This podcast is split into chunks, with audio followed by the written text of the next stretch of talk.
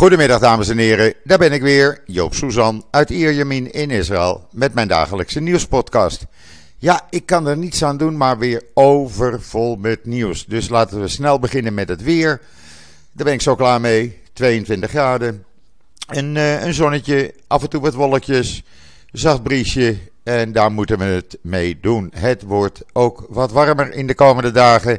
En men zegt zelfs dat zondag of maandag de temperatuur uh, tegen de 30 graden zou kunnen gaan. We gaan het meemaken, we wachten het af. Ja, en dan het coronavirus in Israël. Want wat experts hier in Israël al weken geleden hadden voorspeld, het begint nu. Er is een toename van het aantal actieve viruspatiënten en ik zal u uitleggen hoe dat precies zit. Uh, gisteren op dinsdag werden er ruim 82.000 mensen getest. Er bleek uh, 0,74%, oftewel 603 mensen, besmet te zijn. De helft daarvan kinderen, terwijl van de andere helft 80% niet gevaccineerd was. Uh, en dat is eigenlijk al, uh, al dagenlang, al wekenlang zo. Het totaal aantal actieve patiënten staat nu op 6.505. Dat zijn er maar liefst 800, ruim 800 meer dan op maandag. Maar in de ziekenhuizen liggen slechts 174 patiënten, waarvan er 124 ernstig ziek. Dat zijn er vier minder dan op maandag. Uh, er is één persoon overleden, waardoor het uh, aantal doden nu op 8174 staat. Hoe zit dat dan? Nou, heel simpel. Ik gaf het al een beetje aan. Uh, bijna de helft van alle nieuwe besmettingen dagelijks, dat zijn kinderen. Die steken ook weer anderen aan. dan heb je nog de niet gevaccineerden. Dan hebben we nog circa, nou, uh, pak een beet een, een, kleine miljoen mensen die geen boostershot hebben genomen. Uit gemakzucht of dat ze vinden dat ze het niet nodig hebben. Uh, ja, men wordt besmet en ook met een boostershot kan je besmet raken. Maar ben je er met een paar dagen weer vanaf en dan krijg je hele lichte klachten. Uh, het, het, het, getal van 123 ernstige zieken in de ziekenhuizen. Dat geeft al aan dat de meeste mensen dus last hebben van milde of lichte klachten. En dat geldt ook voor kinderen natuurlijk. Maar het gevaar bij kinderen is dat zij vaak niet. Uh, ja, er zijn heel veel kinderen uh, die geen uh, symptomen hebben. en in die tijd dus anderen kunnen besmetten. Het zij in winkels, het zij op feestjes of thuis of wat dan ook. Dus vandaar dat men gisteren begonnen is met die vaccinatiecampagne voor kinderen. Experts hier zeggen: um, ja, hou er maar rekening mee. Uh, we gaan uh, uh, richting een, een, een, vijfde golf. Dat zit er aan te komen. want zeggen ze, het aantal besmettingen zal gaan stijgen, zal ook blijven stijgen. En dat zal eind december zelfs ja, erg hoog worden. Het zou zo wel eens kunnen zijn dat we dan op zo'n 2500 gevallen per dag komen. Uh, en dat heeft alles te maken, zeggen de experts ook. Uh, ja, er zijn wat versoepelingen geweest natuurlijk. Mensen worden ook wat lakser. Uh, dan heb je natuurlijk nog die 1 miljoen mensen die nog geen boostershot hebben gehad. En je hebt die 670.000 vaccin, vaccinatieweigeraars. Dus vandaar dat men zegt van ja, we willen die kinderen ook vaccineren. Je hoeft er geen angst voor te hebben. Er zijn niet te veel bijwerkingen zover alle testen uitwijzen. het is veilig, dus doe dat maar. dus ja, ook hier in Israël is er een stijging. En om nou te voorkomen dat het uit de hand gaat lopen, zoals bijvoorbeeld in Nederland, heeft het Israëlische coronakabinet is gisteravond bij elkaar gekomen en hebben meteen maatregelen afgekondigd die uh, ook in zijn gegaan. Uh, beperking van uh, het aantal personen in een gesloten ruimte. dat, was, dat zou verlopen vandaag en dat is nu verlengd met een paar weken. En er komen extra maatregelen tijdens Hanukkah. de verplichting van mondkapjes bij evenementen en bij shows voor Hanukkah, die blijft. Dat was al. Maar er komen nu ook testcentra, zowel voor PCR als antigenetesten bij de ingangen van grote evenementen en shows. Eh, zodat iedereen getest kan worden. Er komen zelfs vaccinatieboots. Eh, waar kinderen eventueel gevaccineerd kunnen worden. En men houdt de zaak in de gaten. Men zegt nog niet, we gaan strengere regels afkondigen. Maar uh, de vinger is aan de pols en men grijpt gelijk in, heeft men gezegd, zodra dat nodig is. En dan wordt er ook niet gewacht. Niet zoals in Nederland, van we kijken het nog even aan. En nee, men heeft de plannen klaar. En op het moment dat het nodig is, wordt er ingegrepen. En uh, alles gedaan om uh, de stijging tot stoppen te brengen. Aansluitend daarop uh, een heel goed artikel, uh, wat wij vonden op Israël 21c, wat we over hebben mogen nemen. Moet je kinderen vaccineren? Nou, een hele bekende Israëlische expert zegt van wel, beveelt dat aan en legt in dat artikel op israelnieuws.nl uh, punt voor punt uit waarom je kinderen zou moeten laten vaccineren en waarom dat weinig of geen risico met zich meebrengt. Lees dat artikel goed, want ik krijg alweer hele rare reacties. Van uh, in Israël zijn ze gek geworden met het vaccineren van kinderen. En uh, nou ja, uh, de antisemitische reacties, die zijn niet van de lucht natuurlijk. Maar lees dat maar even door. Dan weet u precies hoe dat zit en waarom hier in Israël kinderen gevaccineerd worden. En ik geef u op een briefje dat binnen niet al te lange termijn het ook in Nederland gaat gebeuren. Let maar op, Israël loopt zo'n twee maanden voor op Nederland. Amerika zijn al meer dan een miljoen kinderen gevaccineerd en dat gaat nog elke dag door. Engeland overweegt te beginnen. En let maar op, zodra uh, blijkt uit Israëlische gegevens dat het goed zit, gaat de rest van de wereld ook beginnen.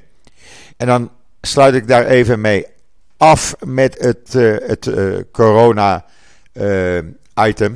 Uh, mijn vriendje Rob Fransman die stuurde een tweet de ronde in. Waaruit blijkt dat uh, ja, je kan dus die boosterprik krijgen nu voor 80-plussers in Nederland. Maar nou blijkt het systeem weer niet te werken. en er is een storing bij PostNL. Dus nou moet iedereen maar even gaan bellen. Ja, het is me toch een zootje ook in Nederland. Niets gaat er goed. En wat ik niet begrijp is dat er geen uh, start is gemaakt meteen met die booster shots. Want dan heb je over 10, 12 dagen al het effect dat het aantal besmettingen terugloopt. Uh, er zijn trouwens uh, zeven lichamen van Joodse Marokkanen die aan COVID-19 zijn gestorven. Die waren een jaar geleden in Marokko, in Casablanca, het Joodse begraafplaats begraven. En die zijn nu de afgelopen dagen naar Israël overgebracht om hier begraven te worden. En nou we toch over Marokko praten. Voor alle Marokkaanse Nederlanders. Minister van Defensie Benny Gans heeft uh, vanmorgen in Marokko met zijn Marokkaanse ambtgenoot uh, Abdelatif uh, Loudi een MOU ondertekend, Memorandum of Understanding. De allereerste defensieovereenkomst tussen Israël en een Arabisch land ooit.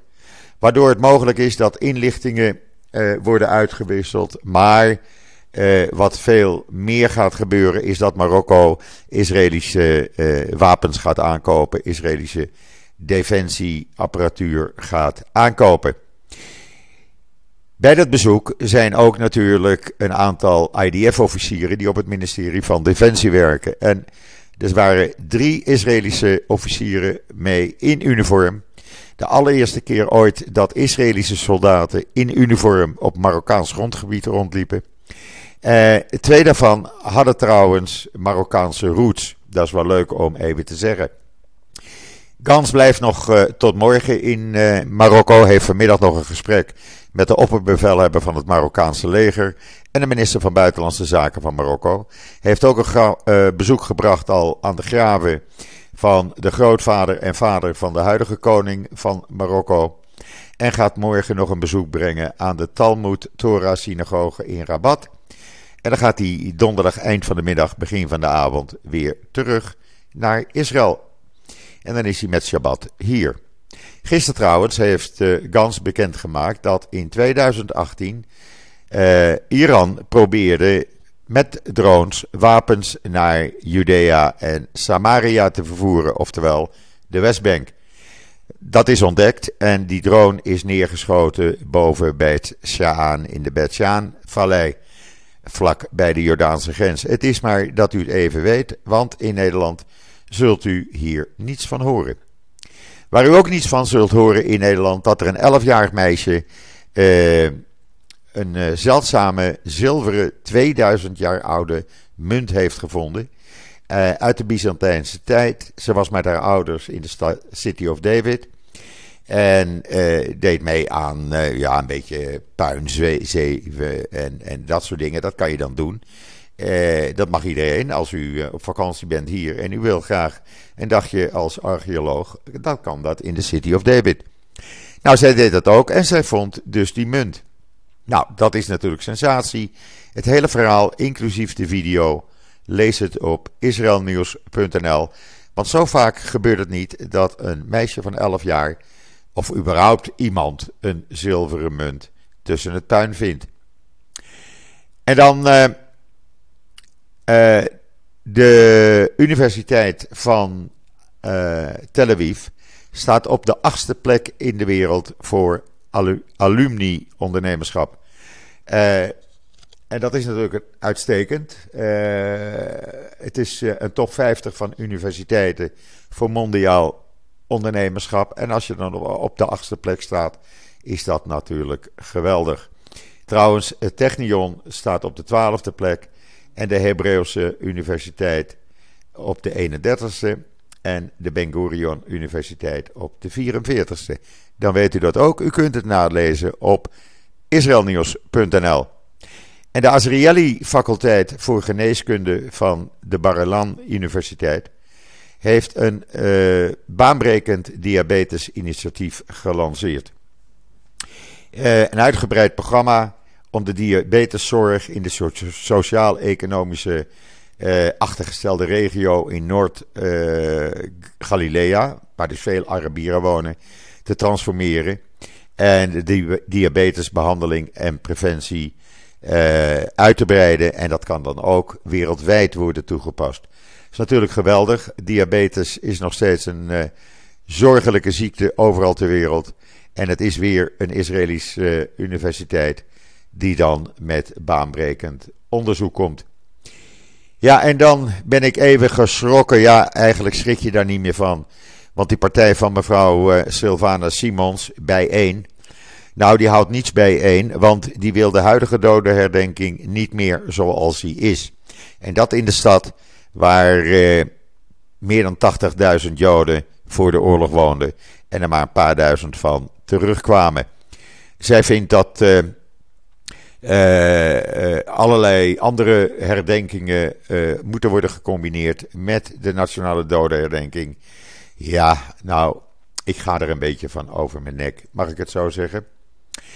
Waar ik niet van over mijn nek gaat, Australië heeft de gehele Hezbollah-organisatie, dus ook de politieke arm, op de terreurlijst gezegd. Ze zeggen, die hele organisatie deugt niet, levensgevaarlijk, we willen er niets mee te maken hebben. Het betekent ook dat je niet meer met vlaggen of andere Hezbollah-symbolen in Australië op de proppen hoeft te komen.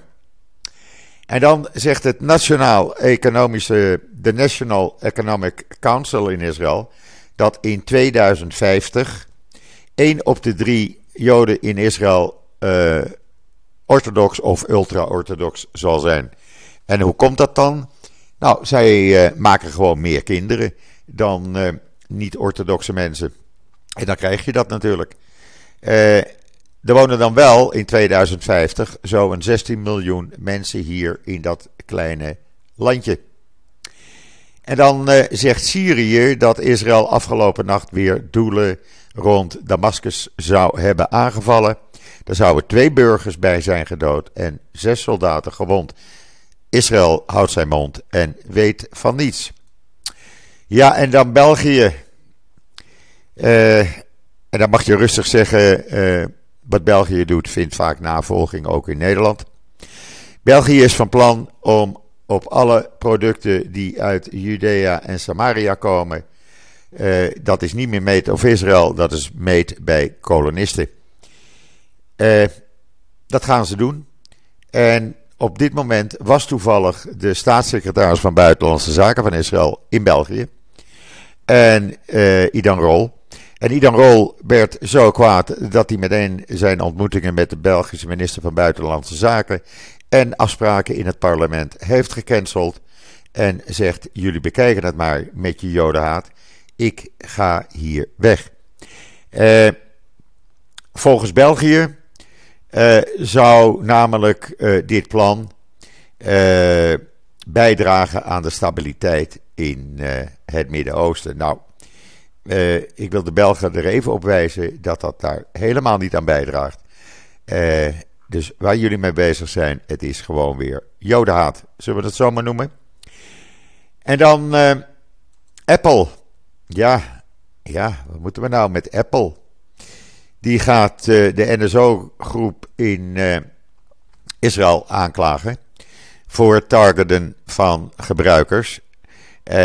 Ja, ze hebben natuurlijk miljoenen, tientallen miljoenen Apple-gebruikers. En dat NSO, ja, dat wordt natuurlijk al overal uh, een beetje met een scheef oog aangekeken en aangeklaagd. Want die hebben dus die uh, spyware, die Pegasus spyware ontworpen, die je dus tegenwoordig op allerlei telefoons aanvindt, kan vinden. Waarmee wordt afgeluisterd, ook buitenlandse regeringen, ministers, bekenden worden afgeluisterd.